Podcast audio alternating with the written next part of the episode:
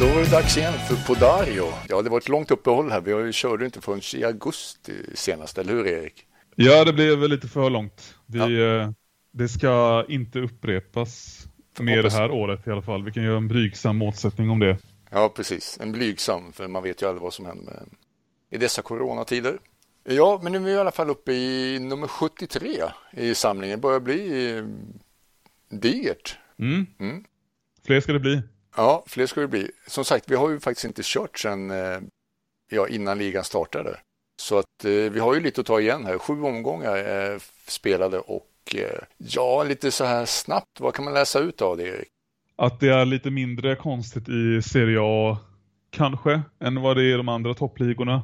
De flesta andra. Det är väl en hyfsat förväntad eh, toppstrid i alla fall och även bottenstrid så att eh, ja, vi kommer gå in lite mer i detalj på vad vi vad som har blivit som förväntat och inte. Ja, nej, precis. Det, ja, det enda förvånande är kanske att inte Juventus leder, men eller ja, eller är det det? Det tycker inte jag. Nej, jag, nej, det jag skulle... Jag.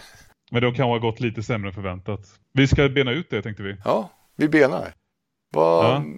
Nej, men vad, spontant det, tycker jag att det inte är så konstigt att de inte leder. För att de är ju sämre i år. Eller de är sämre den här säsongen jämfört med förra. Det är ett ombyggnadsår med tanke på att det är en ny tränare. Eh, det är ett nytt spelsätt som ska som ska liksom appliceras på, på det här laget. Så det är klart att det är, man får ge Andrea Pillo tid. Och ja, att de är, det är fyra poäng de är bakom, fem poäng bakom de är, eh, de är eh, i Milan. Så det är inte så jäkla konstigt. Sen är det konstigt att det är just Milan de är bakom kanske. Men eh, det är snarare liksom det kanske inte är det här som är det viktiga. För någonstans så kommer de väl reda ut det efter nyår i alla fall och liksom komma upp på topp två i alla fall tänker jag. Men eh, det är hur mycket de har tappat i Europa som är kan det lite mer oroa, oroande i, liksom ett, i ett längre perspektiv för Juventus mot eh, topplagen och alla bästa i Europa. Ja, verkligen. Det belystes som inte annat på matchen mot eh, Barcelona senast här. Det, det var ju ganska stort steg eh, ifrån absoluta toppen. Ja, nej, men visst då. Det är ju liksom, det är ju ganska långt ifrån det, den liksom jämnheten man kunde förvänta sig av ett Allegri-lag säg. Eh, nu, nu kan det knappast bli sämre än vad det var under Sarris säsong när man åker ut mot ett Ja, kan vara lite sämre kan man tycka. Lyon i en åttondel. Eh, men eh, ja, det, konstigare saker har hänt den här säsongen och eh, jag skulle säga i nuläget är ju inte Juventus mer än ett kvartsfinallag i, under en Champions League-vår. Så... Eh, Eh, Nej, som bäst alltså menar du nu? Som bäst, ja. Alltså, ja. De, de, de, de, kan ju ta det just nu. Liksom. De hade kunnat vara nöjda med det. Mm. Och det, det, säger en del hur liksom, mycket det här laget har backat det senaste året eller senaste 18 månaderna. Ja, tydligt också att uh, de är väldigt Ronaldo-beroende. Mm. Det är ju tydligt och han har ju bara varit med i hälften av matcherna i stort sett. Han missade ju fyra matcher på grund av uh, covid. Och då blev det ju bara en vinst. Förutom Barcelona så blev det en vinst och två kryss. Ja, två kryss mot Hellas Verona och ganska obegripliga mot Crotone. Det är ju kan ju bli seriens slagpåse. Så eh, det är ju extremt onödiga poäng de tappade där. Um, ja, och sen är det i kombination med att de inte har Dybala inne i någon form överhuvudtaget. Ehm, um, man tänkte ju att kanske kan det lyfta nu när han gjorde mål mot Ferencvaros. Men ehm, um, så jag, han var, det var ett bedrövligt inhopp han hade mot uh, Lazio. Och där är han liksom, det, det är ju hans fel till att eller, de, när han tappar ut bollen och Lazio får det där inkastet som de ser med gör mål på. Eh, så det är, det, det är konstigt att det bara kommer, kommer de här formsvackorna liksom, inte titt som tätt men eh, för ofta kan man tycka med tanke på att hur han presterade tidigare på året när han och Ronaldo verkligen drog Juventus så bara något år tidigare så eh, då var det en lika djup formsvacka hela våren i princip 2019 eh, om jag minns rätt. Så... Eh, Men det var väl lite mer machovan eller lite... Kan det, känns det som en formsvacka? Men han är ju ganska o... Han, var, han har ju inte liksom eh, kommit in i steget riktigt än. Känns det ju som. Det, det, är ju dels det, men det är det som han ens kommer komma in i. Alltså om, om Pirlo kommer hitta en plats för honom i sitt spelsystem för att vi ser ju Ronaldo såklart helt given. Eh, men Morato gör det ju väldigt bra bredvid honom. Eh, och de vill ju ha Kiesa och Kulusevski kan vara på kanterna. Vad ska man ha Dybala där då? Jo, det kan ju såklart ha Dybala strax bakom. Men det verkar inte vara det spelsystemet som Pirlo föredrar just nu. Eh, så eh, det, det är ju frågan om han vill, liksom vill rucka på allting bara för att få in Dybala. Och det tänker jag att det borde han göra. För att jag menar, du, kan inte, du har inte råd. Om du ska liksom inte gapet mot de bästa i Europa ska bli, bli ännu större så kan du inte ha eh, Dybala på bänken. För du behöver liksom den spetskompetensen. Men eh, ja, det, det, det, är ju det som är knäckfrågan för eh, Andrea Pirlo känner jag. Ja, för det, är verkligen, jag menar han har, får ju ha tid på sig men han har ju inte hitt, det, det är ingen tydlig linje i hur han vill spela, tycker inte jag i alla fall. Alltså han har inte hittat försvaret riktigt än. Nej, nej men det det vet jag fan om han kommer sätta. Alltså det, det känns ju så länge Kelin är borta. Eh, Demiral så gjorde ingen bra match mot Lazio även om han har såklart sin potential. Men det är ju inte Bonuccis 2020 har inte heller varit jättebra. Så eh, det, det är ju hela tiden någonting oroligt där som gör generellt Juventus till ett mycket sårbarare lag än vad det var bara för ett år sedan. Alltså det är ju klart sårbarare lag på det sättet att liksom en motståndare kan komma in och känna att ja men tydligen Crotone till och med också att här finns ju eventuellt poäng att hämta liksom. Så eh, Precis. Det kan ju vara det, det viktigaste för Pirlo nu eh, snarare än att de ska få liksom in Dybala då i laget. Men precis, på lång sikt precis. så är det ju jätteviktigt. För Delicht, hur länge är han borta? Jag tror han eh, kan vara tillbaka innan årets slut. Det var väl, jag tyckte jag hörde någonting i november när skadan, när han tvingades operera axeln, det är väl det det handlar om. Eh, så jag tror eh, kanske innan årets slut då. Mm, så att det Och han behövs ju.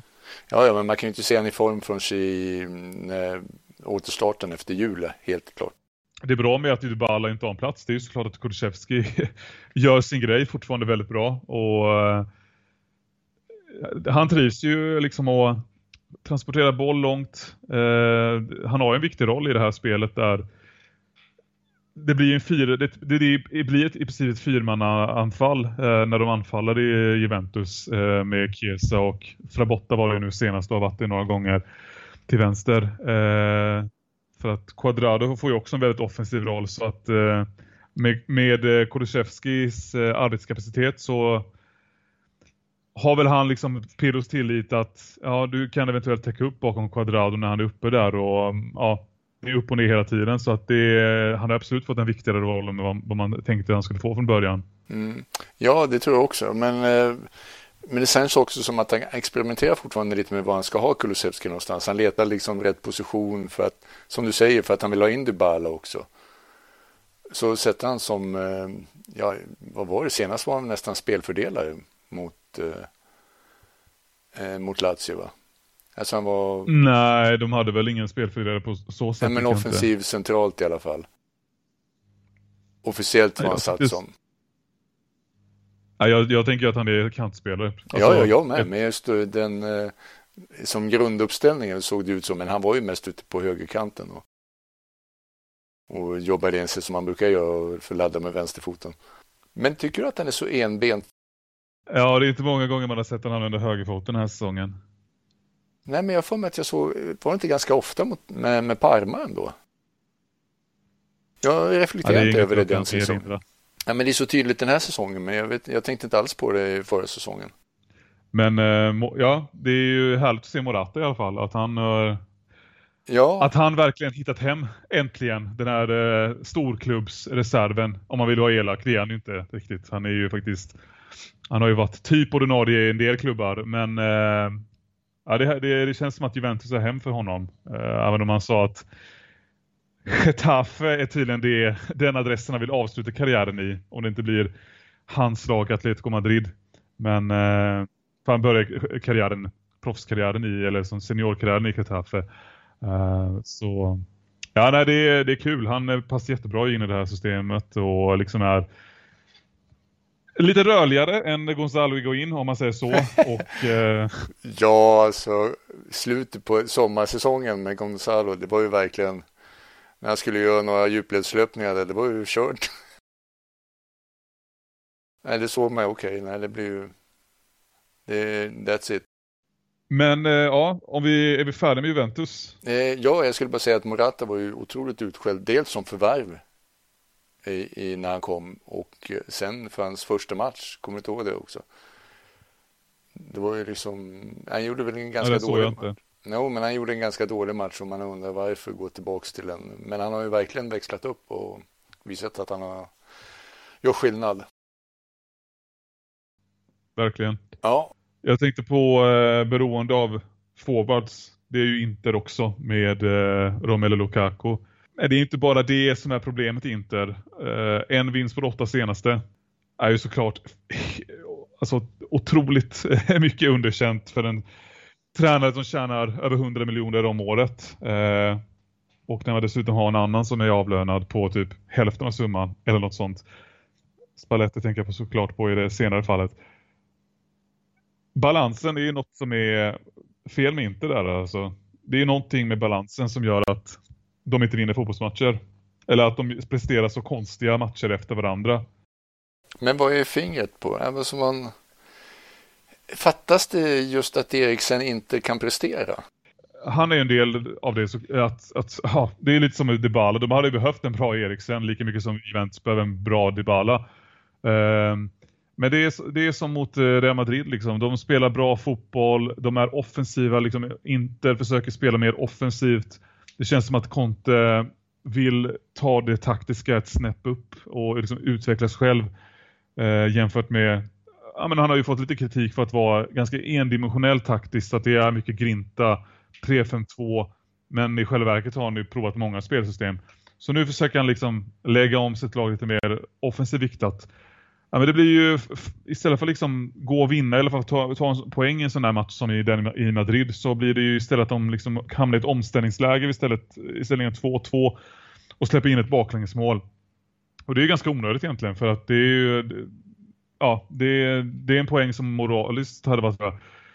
Då blir ju effekten av det att de spelar kontrollerat istället mot eh, Atalanta och det gör ju Atalanta också såklart som åkt på en 0-5 förlust mot eh, Liverpool. Eh, då, då, då, ser du ju liksom, det blir inte, de släpper inte till mycket alls mot Atalanta. Eh, få in ett mål. Men då tänker man, då borde det vara enklare att stänga en match när du haft den här approachen hela liksom, i en timme nu eller eh, innan Lautaros mål då.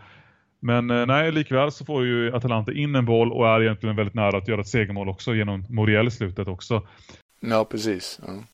Allt, det är alltid någonting som skaver i liksom Inter. Eh, är det inte sena insläppta mål liksom som mot Mönchengladbach där, liksom, där de behöver vinna, borde vinna matchen och, men istället hamnar de i ett 1-2 underläge precis innan slutet så eh, är det någonting annat. Det är det är svårt att ställa fingret på det men det, är ju någon, det är ju, handlar ju om en balansfråga känner jag.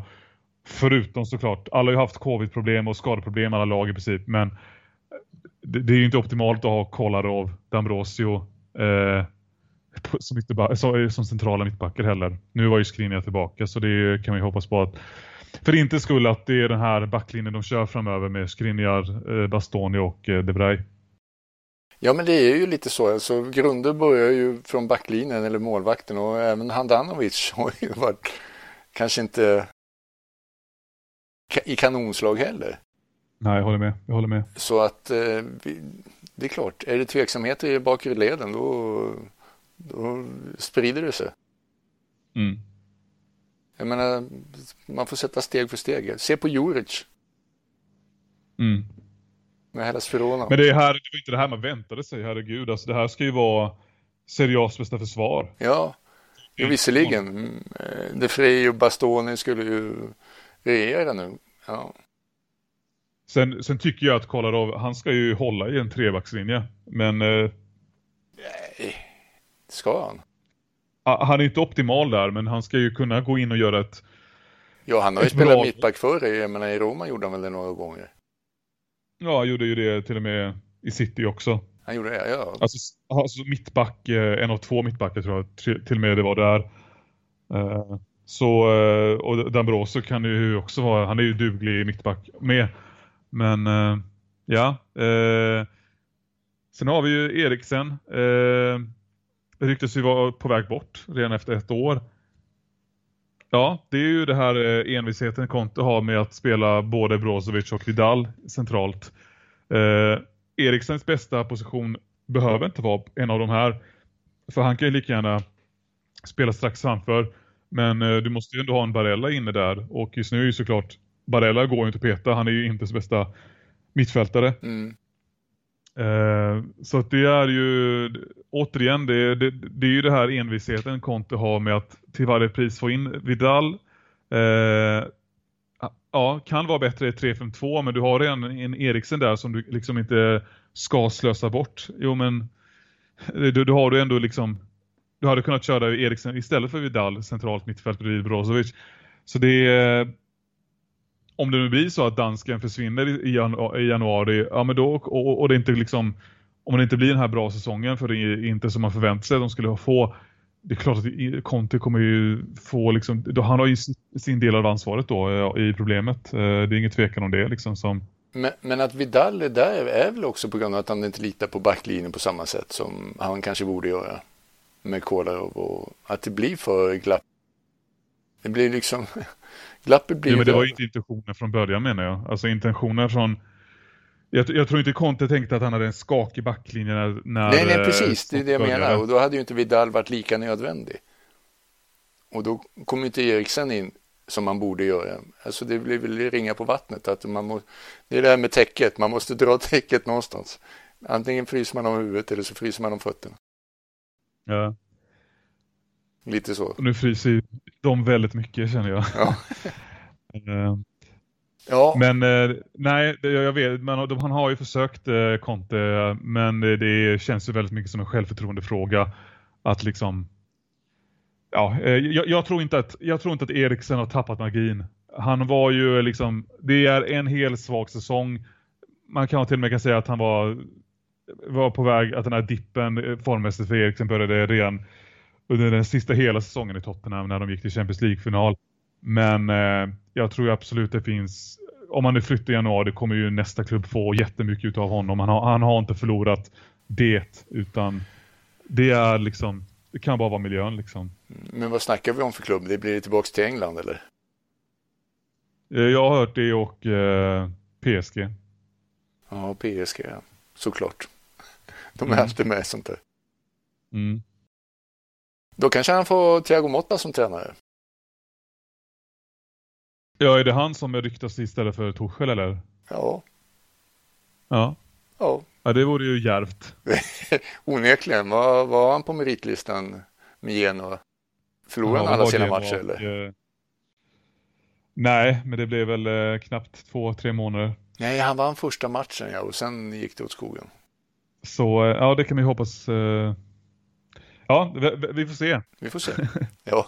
eh, kan Men, gå vidare till eh, de, de de mötte. Precis, Atalanta. Eh, ja, precis vad fasen har hänt? Är det övermod eller? Ja, mot Liverpool var det väl lite så. Eh, kan stå lite för högt med backlinjen och sådär. Men det är ju å andra sidan deras spelsätt.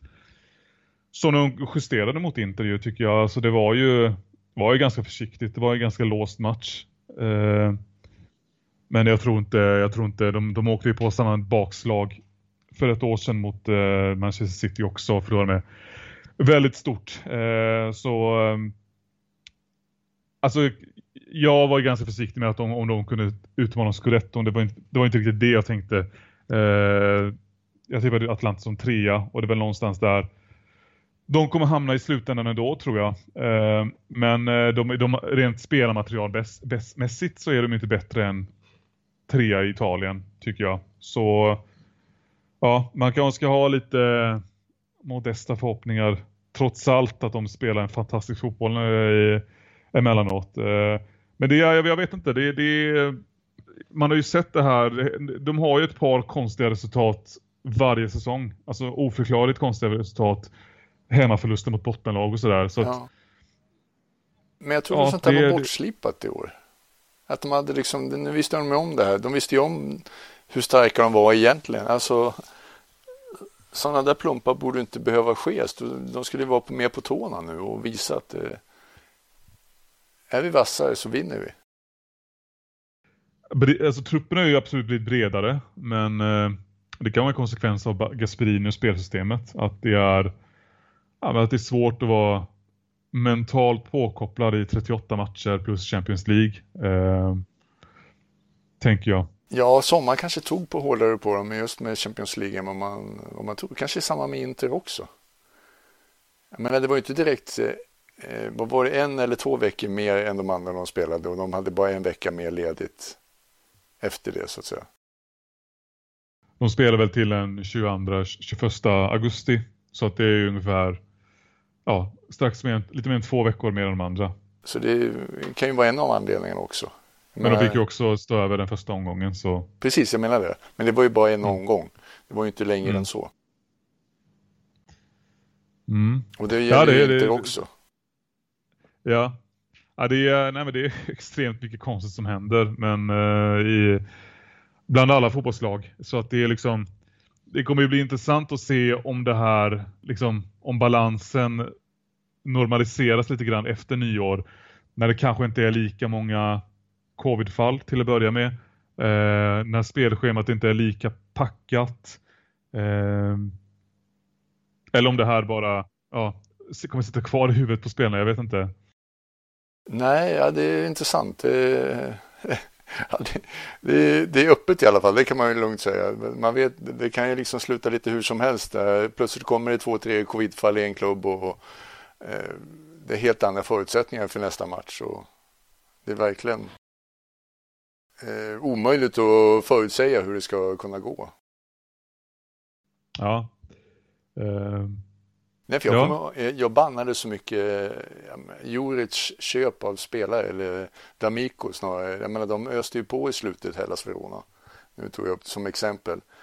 Och jag undrar, vad skulle de med så jäkla bred trupp till? Alltså, nu ser vi ju det. Men det är inga dyra köp? Nej, det är inga dyra köp, men är, man vill ju ha in spelarna. Man vill ju att de ska få speltid. Det ska inte bara vara någon slöseri med talanger. De tar in unga spelare för att de, ska, för att de tror på dem. Då vill man ju se dem eh, också göra sitt jobb. Men som sagt, alla kommer ju få speltid känns det som av dem. Vi kan väl komma lite till hela sen. Eh, vi kan, vi kan börja prata om eh, matchen då mot Milan. Vad säger du? Ja, typiskt eh, Hellas-match. De gör, håller tätt och gör sitt jobb hela tiden och eh, gör sina vassa kontringar på kanterna. Sakanje, vass och, och Barak är ju, i är ju i toppform. hans tredje månad på raken. Så att, och ett Milan som är lite halvtrött också, kanske lite eh, fått lite smisk på fingrarna i den senaste matchen så att de är lite låga. Så att, eh, men de kom ju igen och eh, det var ja, mer rättvist att de gjorde 2-2. Och Silvester i Hellasmålet gjorde ju otroliga räddningar. Så att, eh, men det är ju fantastiskt att Juric kan få, få fram det bästa av varenda spelare som är verkligen eh, plock av lag som, inte, som de inte platsar i. Han tar ju verkligen de överblivna och gör någonting med det. De, han köper ju inte in, vet inte någon spelare som har liksom varit bättre i någon annan klubb för att han köpte han ska jag ha. Utan det har alltid varit någon som har som inte har fått varit med riktigt. Italiens Degerfors alltså? Är det? Ja, det alltså det är de som, ja, plockar Degerfors upp gamla... Det verkar vara grejen med Degerfors superettan och att de går upp nu, eller verkar gå upp till allsvenskan. Att det är mycket rejects som fått en ny chans. Jag tänkte på det, men som Juric. Eh, nu hade ju, vi ska gå in på Fiorentina igen. Han hade ju läge att gå till Fiorentina i somras. Mm. Men om man skulle sätta Juric i allsvenskan för ett lag. mm. vilka skulle han kunna vinna med? Alltså när vi snackar vid allsvenskan så hade väl kunnat vinna med fem, sex olika lag. Eller du menar just den fotbollen? Ja, just det. Jag hade sett, okej, okay, och ta bort plastgräs och allting sånt där som... Ja, ja det är svårt, tyvärr. Det är ett önsketänk. Men äh, alltså det, det hade inte blivit äh, Hammarby. Hammarby. Mm. De hade utmanat Malmö. Ja, gud ja. Ja, men intressant att se. Han skulle, ja. Ja. Uh, ja, nej men uh, för att avsluta Hellas, tror du, förväntar du dig en mittenplacering igen? Är, är, är de bättre, är de sämre än i år? Vad är liksom... Alltså rent eh, poängmässigt? Nu, nu, nu, tänk, ja, nej men alltså nu kan du väl inte tänka att det här är ett bort, alltså de ska inte vara med i nedflyttningszonen. Nej, de ska inte vara med, men jag är fortfarande... jag vet att ju... kan, man kan vara skadad Precis. Ja, man vet inte. Men alltså rent... Det, det, ser ju så stabilt ut det som hans jobb så att det borde inte vara någonting. De borde inte vara i bottenstrid. Jag menar, de, förra säsongen gjorde de ju kanon, eh, kanonbra i början. Jag menar, efter sju omgångar, nu ligger de ändå, jag tror det är två poäng före. Mm, Minst, okay. tre poäng till och med. Tack vare den där segern ja. Ja, så att eh, säg, ta bort den så är det ju en poäng bara. En poäng före. Så att det är ju absolut inte dåligt. Och då har de ju egentligen en mycket sämre trupp nu än de hade förra säsongen. Men det visste man ju inte den tiden då. Då visste man ju inte hur jävla bra Amrabat var. Och... Ja, fast det menar det vi ska komma till. Du kan komma omvärdera några spelare nu eh, om sex månader som du kanske inte har så precis, stor precis. Så kan det vara. I, uh. Men man har ju lite mer ögonen på dem. Vad de kan, kanske om de är bra eller inte. Mm. Ja, ja. Eh, Vi lämnar Hellas. Gissa vad, jag, ja, gissa vad jag tippade Milan inför säsongen. Ja, jag, jag tippar dem utanför Champions League. Du? Ja, samma här. Eh, och, och eh, ja, sexa för att vara exakt. Jag tippade Roma sjua. Och eh, nu ser ju båda ganska redo ut att eh, ganska redo ut för Champions League-utmaning onekligen. Eh, om jag börjar med Milan, vad, vad, vad, vad tror du? Är, eh, är, är det Zlatan som bestämmer allting? Är det han som liksom hänger Champions League på honom? Hänger ligatitel på honom? Alltså jag tror hans, som du säger, det är väl inte själva spelet kanske med Zlatan som hänger, men det är väl hans vinnarmentalitet som, eh, som det hänger mest på. Att han har ingjutit någon vinnarmentalitet som inte... Och jag tror, han och Pioli, jag tror de bollar rätt bra. Det känns som att de kan hugga varandra ganska mycket och liksom ändå ha respekt för det. Mm.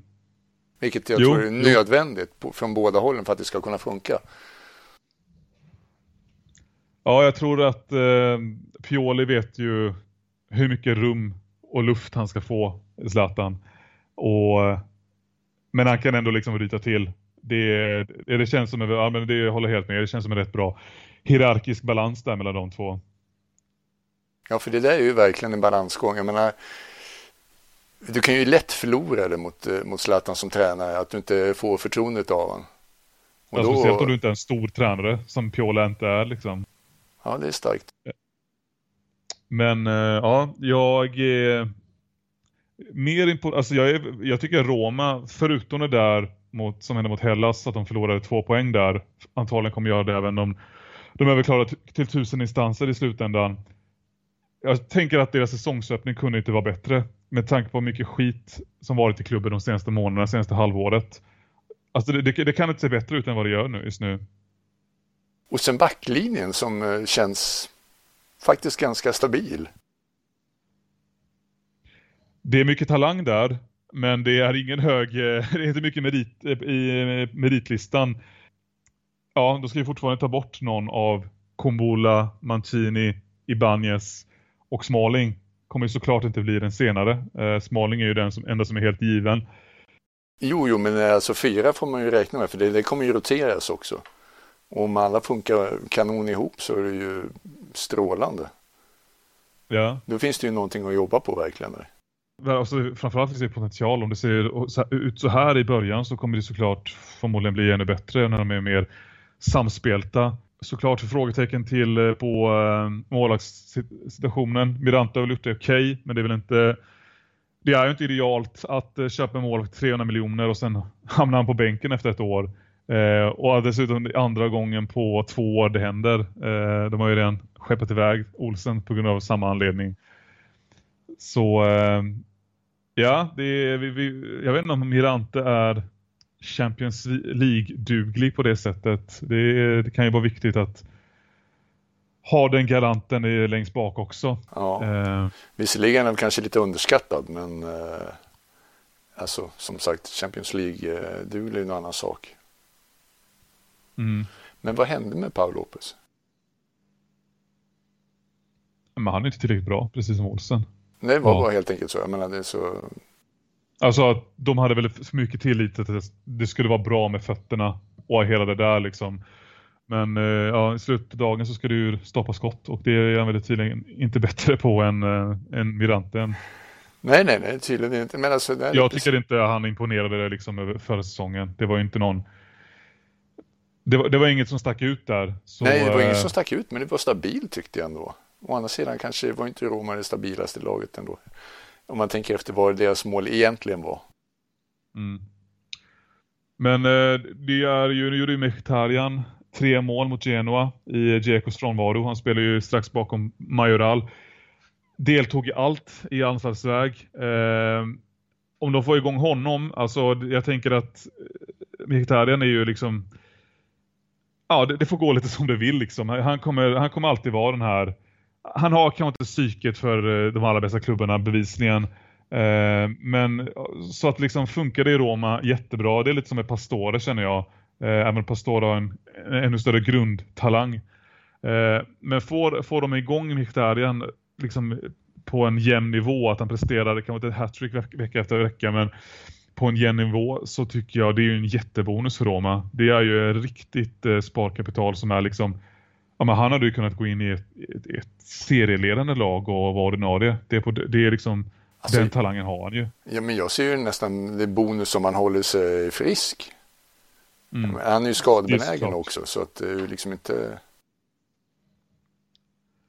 Precis, så... Eh, nej, men som sagt, det ser, jag tycker det är mycket som ser väldigt positivt ut för Roma. Eh, och det kan leda till att Fonseca är en stor tränare. Det, han gjorde det okej förra säsongen och ja, det, han verkar ju verkligen byggt på det så mycket som man kan till med tanke på att det var väl det är ett stökigt utanför och på tal om ombyggnadsår så har ju Roma gjort det är ju de som har fått ta det största spadtaget Mm, eller spadtagen snarare. ja, allting, både klubbledning och stadion.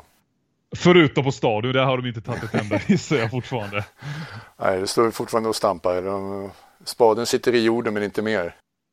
Nej, nej det är, jag, jag, jag har inte ens hört någonting på flera månader. Eh, apropå spadtag, jag vet inte, är vi klara med Roma? Ja, Eh. Comiso vill ju också göra spadtag eh, med Florens, eller i Florens med ny stadion. Nu vet jag inte hur långt den har kommit, men eh, men det nya spadtaget då skifflar iväg Iacchini då. Mm. Eh, och vi kan ju säga att det är en estetisk uppgradering på, på den bänken. florentinska Ja. bänken. Från, visserligen körde han ju kostym, eh, Iacchini, men den här kepsen åker ut och in kommer, ja, det, kan, det var i alla fall ett av eh, fotbollsvärldens bästa backslick för tio Ja. år sedan. Det är lite, lite glesare mellan hårstråna nu. lite längre bak Pandel. nu. Ja. Ja. Men eh, vacker är han fortfarande och eh, jag, jag, jag, det, det känns att det finns alltid, det finns alltid en, liksom en, en tvekan inför en Ritorno. Eh, men det känns alltid som att du får du måste alltid kunna försvara en sån här Ritorno med att ja men det kan gå igen. Det kanske var eh, det kanske är Fiorentina som är hans klubb där han kommer prestera bäst eh, överhuvudtaget liksom, eller plats på jorden. Eh, I övrigt merit, för det är liksom det är ju där hans bästa gärning har varit i karriären såklart. Eh, frånsett EM 2012 med Italien. An- Annars så tänker jag, annars behöver det inte ens vara en uppgradering på Jacchini. Eller vad känner du? Nej, det är ingen uppgradering. Eh, det, alltså det, man gör inte sånt här tycker jag. Alltså det, vem tjänar på det här? Fansen eller? Ingen? Eh, Ja, men- Romantikerna? ja, alltså, jag menar. Här, du må kill your darlings. Mm. Det här är inget... Eh, Okej, jag, jag antar att de ville ha Sarri fast Sarri inte var intresserad. Det kan inte vara någon Men annan. Sarri begär för mycket lön, lön. Det måste vara det. Tror, tror du inte att Sarri hade kunnat kliva på ett, ett Fiorentina? Jo, alltså projekt? Rent en normalt så varför inte ja egentligen och sen Ja. bygga upp det för nästa säsong. Jag tycker det låter konstigt ifall han skulle behöva säga att han vill vänta till i sommar men ja. Jag tror och, det är lönen. Och Spalletti, jag tror är det, är samma bara... sak med eller? Spa... Ja, eh... Sarri är bättre än Spalletti. Ja, ja, ja, jag menar det, det, det håller jag också som. Jag tänkte på att Spalletti var lägre i lön. Men det var i alla fall nej, för det, mycket. Nej, det tror jag är samma nivå faktiskt. Det tror jag är samma nivå. Så... Eh... Och andra sidan hade kunnat plocka en lägre lön av Spalletti i och med att han är fortfarande avlönad av Inter. Så... Eh... Alltså de hade kunnat begära en lägre liksom, eh, ingångslön så att säga. Men... Eh... Nej, alltså problemet är ju att eh, är det här att de gör den här grejen nu, en och en halv månad in på säsongen. Varför förlängde de Jakini när de ändå var beredda på att eh, ja, att, att det inte, när det inte såg så jäkla bra ut, när det inte såg bra ut överhuvudtaget. De hade en bra avslutning på sommaren, det var det enda med Fiorentina sommar 2020 och eh, Jakini får förlängt. Men jag kände ju redan liksom när säsongen började att ja ah, okej okay, visst, det, det, det, säger en del om att de kan tro på honom men det var ju samma sak med för ett år, eller förra sommaren när eh, Montella fick förlängt efter en bedrövlig avslutning eh, på eh, den våren och eh, ja det, var, det, betyder ingenting att han får förnytt förtroende eh, bevisligen eh, samma sommar för att han är ändå liksom sparkbar. Ehm, men då var inte Comiso där, eller hur va? Det var ju Comiso som sparkade Montella. Ja, så var det. Ja, han var där då. Men ja, och det var ju Comiso som var med och tog beslutet att han skulle köra vidare också i förra sommaren. Ja, precis, precis. Och jag undrar vad det är.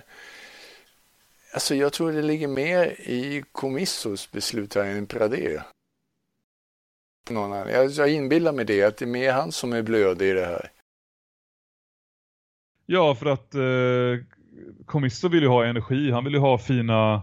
Han vill ju ha liksom Ribéry ny, nyförvärvet. Han vill ha någonting att engagera piazzan kring. Det gör du inte med Akini, men eh, det gör definitivt det på eh, i viss mån med en Prandelli-återkomst. Men ja, som du säger, jag tror att många genomskådar det här. Ja. Ja, men han var väl han var, han var väl den som skulle ryka först egentligen av de som fanns med på listan så att säga. En av dem. Absolut största. Vem har du, eh, vem har du i den regionen? Vem kan ryka härnäst? Ja, de som ligger dåligt till är väl Gianpaolo såklart med Torino.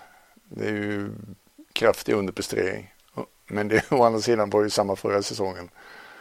Med, eh, Men med Torino är inte så glada för att sparka tränare. Tror du inte att han i alla fall får en halv säsong? Ja, du menar att han får till jul i alla fall? Ja, ja det är möjligt.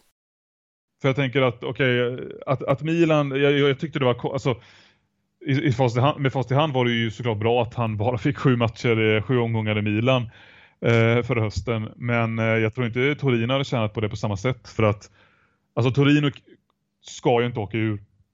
Såklart. Nej, det, det gör de väl inte heller antagligen. Men... Nej, så att liksom, ja men låt, låt det gå en halv säsong. Ser det inte bättre ut, ja då, då, då får de väl ersätta med en ny. Eh, och det kommer ju som bäst bli över halvan, alltså så här tionde plats liksom. Men de kommer inte åka ur eh, så, om de håller kvar Gianpaolo för länge. Så jag tror de har inte så mycket förlora på att ge honom tid menar jag. Nej, men de åker ju inte, de åker ut på grund av att det finns så pass dåliga lag under. Jag menar, sist Torino hade så här dålig start, då åkte de ur. Men då hade men de, nu har de en betydligt bättre trupp tänker precis, jag. Precis, ja det har de ju. Och sen har de eh, Spezia, Benevento, Crotone, ja Udinese också.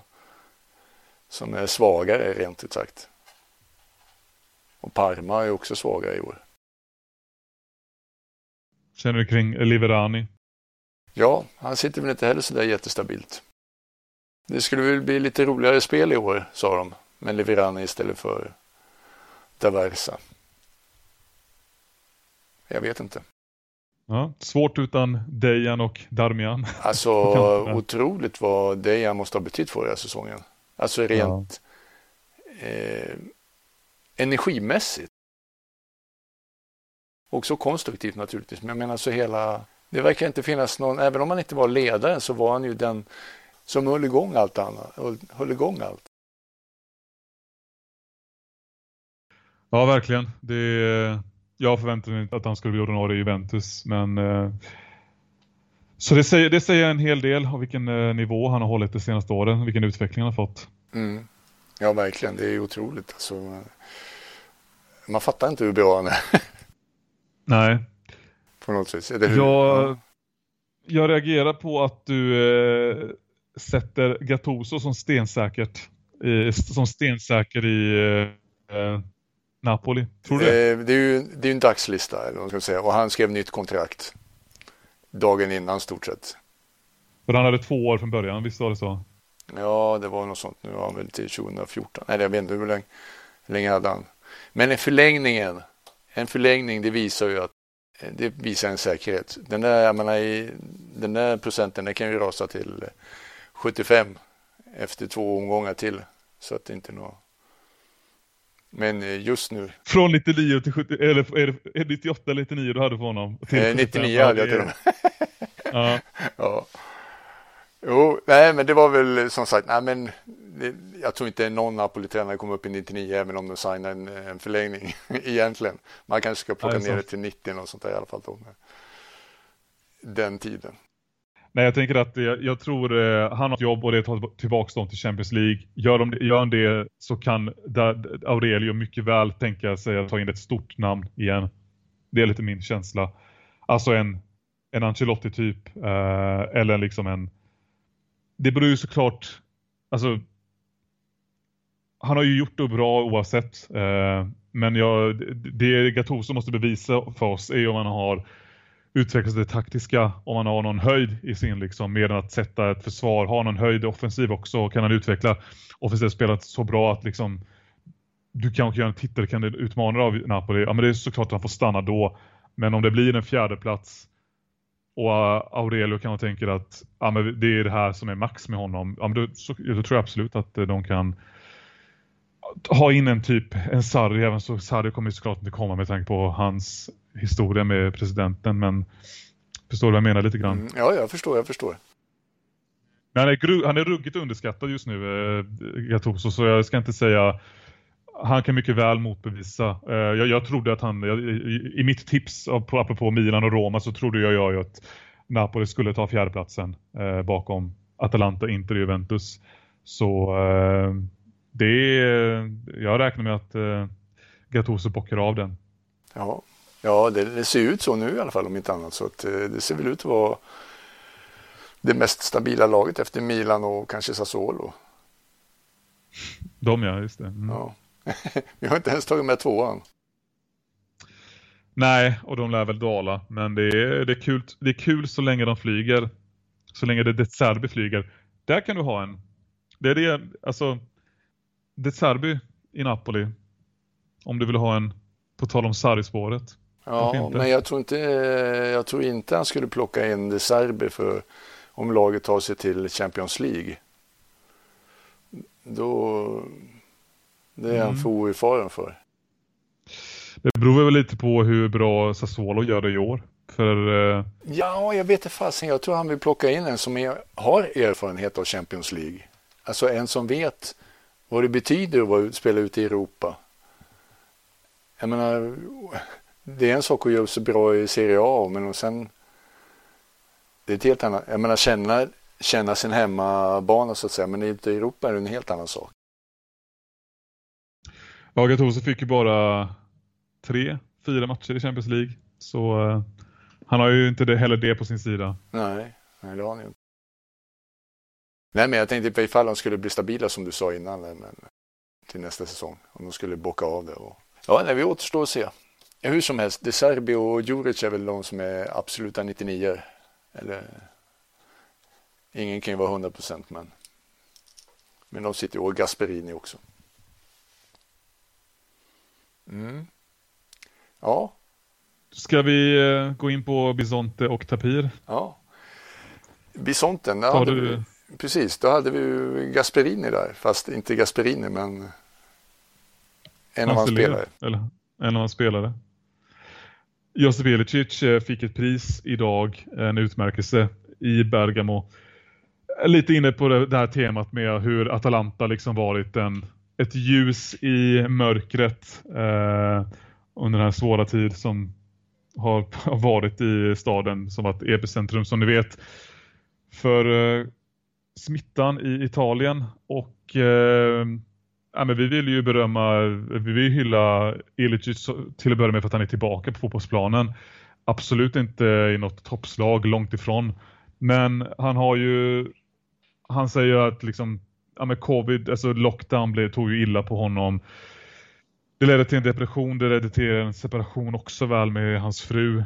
Han, det blev ju väldigt mycket problem där så han fick, fick sticka till Slovenien och eh, missade säsongsupptakten. Men han är tillbaka nu, han kom tillbaka i försäsongen. Uh, och ja, det är, det är starkt jobbat. Man, folk befarar att han skulle avsluta karriären på grund av den här depressionen. Men uh, han är tillbaka och uh, hade älskat att se han lika bra som han var i början av säsongen. Då han var en av världens bästa anfallare faktiskt. Ja, han var ju en, ja, verkligen bidragande orsak att Atalanta gick som de gick i Champions League. Ju. Mm. Var det fyra mål han gjorde mot uh, Valencia? Fyra mål mot Valencia. Imponerande. Ja, men vi har ju din gubbe på tapiren. Ja, vi ska ju gå igenom det här, den här härvan först med eh, coronatesterna i Lazio. Som finns ju bara två lag i hela Serie A som inte har sitt liksom testlaboratorium för covid-19-tester i den egna regionen. Det är Spezia som spelar i, jag vet inte var de har det, men de spelar i Cesena, eh, inåt landet i alla fall. Så det kan vara för, därför de har det. Ja. Eh, och sen är det Lazio som har det ända ute i Avellino utanför Neapel. Det är, ganska, det är en ganska bra bit mellan Rom och Avellino. Eh, ja, men de har ju, fick ju tre spelare inför matchen mot Juventus som testade negativt eller positivt för covid-19. Immobile spelade inte, det gjorde inte heller Lukas Leiva och ehm, eh, Thomas Sakosha. Så de har visat lite olika svar de här testerna beroende på vilket laboratorium de har gjorts i. Uh, Uefa kör ett visst, inför Uefa-matcher kör de ett visst laboratorium. Så där har de fått ett, ett annat svar jämfört med det här i Avellino. Så vi tydligen, tydligen ett i Rom, som är om det är där man testar liksom inför CA-matcher. Uh, ehm, och det, är liksom, det har lett till att eh, det, det, de, alltså de, de misstänks för fuffens i samband med de här proven för det är olika svar på olika håll. Eh, den enda som är, liksom är ställd, alltså fotbollsförbundets åklagardel har ju gått in och gör, gjort en undersökning. Det har gjorts eh, husrannsakan här i, på det här laboratoriet i Avellino. Och den som, en som är misstänkt i, i dagsläget är ju den här chefen för det, just det laboratoriet. Eh, så det, det, det, ja, när det här avsnittet kommer ut så kan det ha hänt ännu fler saker men det, det snackas om eh, att de riskerar liksom, de har ju eventuellt riskerat gjort brott mot coronalagarna i Italien. Uh, att de har liksom varit oaktsamma. Uh, ja, att liksom de kan ha låtit den myglat på något sätt. Men det, det, det är bara misstankar. Uh, så det kan bli allt från böter till poängavdrag, sägs det. Eh, och då fick ju såklart vår vän Claudio Lotito frågan eh, presidenten i Lazio om ja, men varför är det så här att ja, men han är först eh, negativ eh, spelklar i Mobile, sen är han positiv helt plötsligt. Ja, då, drar, då säger då Tito till reporterna att ja, men eh, även om du liksom kollar igen eh, kvinnas vagina så är det bakterierna där är ju även de liksom eh, det finns ju patolog patogena säger patogena, ja. för att ja, uttrycket att äh, allt är inte liksom, det finns smittsamt där med. Ja. Äh, och ja, det, det, var, det, var ett, det var ett plumpt svar kan man säga på en plump parallell till Immobiles testsvar bland annat. Så att, äh, ja. Alltså, jag undrar om det var det, det mest självklara han tänkte på att jämföra med. Ja, man kan ju säga att han är, han är väl 70 plus. Jo, men ja. Men hur, hur kan det komma upp på en gång så att säga? I alla fall även om man är 70 plus. Han ja, måste ju liksom han, ha, han måste ju ha tänkt på det. Jag menar, haft det, ja men bakteriefloran hos kvinnor. Ja, otroligt. Ja, så eh, vi, vi, hade önskat att han eh, varit lite mer eh, att han varit lite mer i, han är väl ett barn av sin tid eh, tänker man, men att han inte varit mer lite mer lite mer takt med samtiden när, när man, man får sådana här fram, frågor. Jag trodde du skulle säga att man hade önskat att han var här så han kunde svara på frågorna. Om honom. Mm. Så eh, Lotito, eh, ja, ordvalet nästa gång. Jag måste bara innan vi avslutar, jag vill fortfarande eh, hänga kvar lite på Prandelli. Eh, vad tror du han kommer köra? Vad, vad tror du att vi kommer se så här lite snabbt bara? Prandelli, så fördelen med att anställa honom är att det finns ett så stort spann utan förväntningar. Alltså alla förstår ju att Fiorentina kommer hamna någonstans mellan plats 8 till 15. Alltså vad han än gör känns som att det är liksom det är mellanmjölk. Kommer de på 13 plats, ja men då är det så här samma som förra året typ. Kom de åtta, helt okej, okay, men kunde varit ännu bättre med den här truppen. Och han kan alltid skylla på att Jakini tog för lite poäng i början. De har väl åtta poäng på sju matcher bara, vilket är alldeles dåligt. För en trupp som skulle kunna utmana med Europa. Ja, eh, jag tror, alltså de hade kunnat vara där, inte där Sassuolo är idag i tabellen, men på samma nivå som Sassuolo utan tvekan. Så ehm, liksom, vad, hur den utvärderingen är eh, i slutet på säsongen så kommer det vara väldigt enkelt att gå vidare med en annan tränare. För att det kommer vara så här, ja, han gjorde det. Han, gjorde, han kom inom det här spannet och då är det tacksamt att göra sig av med Prandelli för en annan. Och då är det som sagt, varför, varför tog de dit han överhuvudtaget? ja, förväntan till nästa, till sommaren eller väntan på vad? Ja, ja. Vi får se. Jag säga att Akini har inte lyckats i någon Serie A-klubb över tid överhuvudtaget. Det är eh, alltså det är jättesvårt att placera tränare faktiskt. Det, är, det går ju inte att ta honom i lag som alltså han är ju inte en långsiktig lösning överhuvudtaget men han hade väl ingen Tragetatore heller liksom sån som några kvar klubbar som en Ballardini gör. En Ballardini, ska vi ta upp honom nu? ah, nej, men det, det är ju det klockrenaste exempel. Eller ja, ja, jag exempel. förstår. Men Ballardini är ju tio år sedan han gjorde någonting. Nej, sex år sedan. Alltså som han var, gjorde någonting bra menar jag. Sen har han ju varit i Genoa och Palermo. Han har ju haft jävla mässiga klubbar. Men det är en annan historia. Nog om det. Jag bara vill se att han lyfter fram Amrabat på ett bättre sätt så att han inte blir nergrötad i mitten bara så att han får sina ytor. Mm. Ja, får se om vi står där med lila jacka igen. Ja, precis. ja, det är läckert. Bara det räcker ju. Ja, jag vet inte. Ja, för mig. Bene. Ja. ja, men då så, Erik. Härligt att vara igång igen. Ja, verkligen. Eh, vi hoppas vi fortsätter. Ja, vi lovar ju, så att eh, vi får köra nu. Ha det så bra så länge så hörs vi förhoppningsvis nästa vecka. Ha det så bra. Hej! Ja.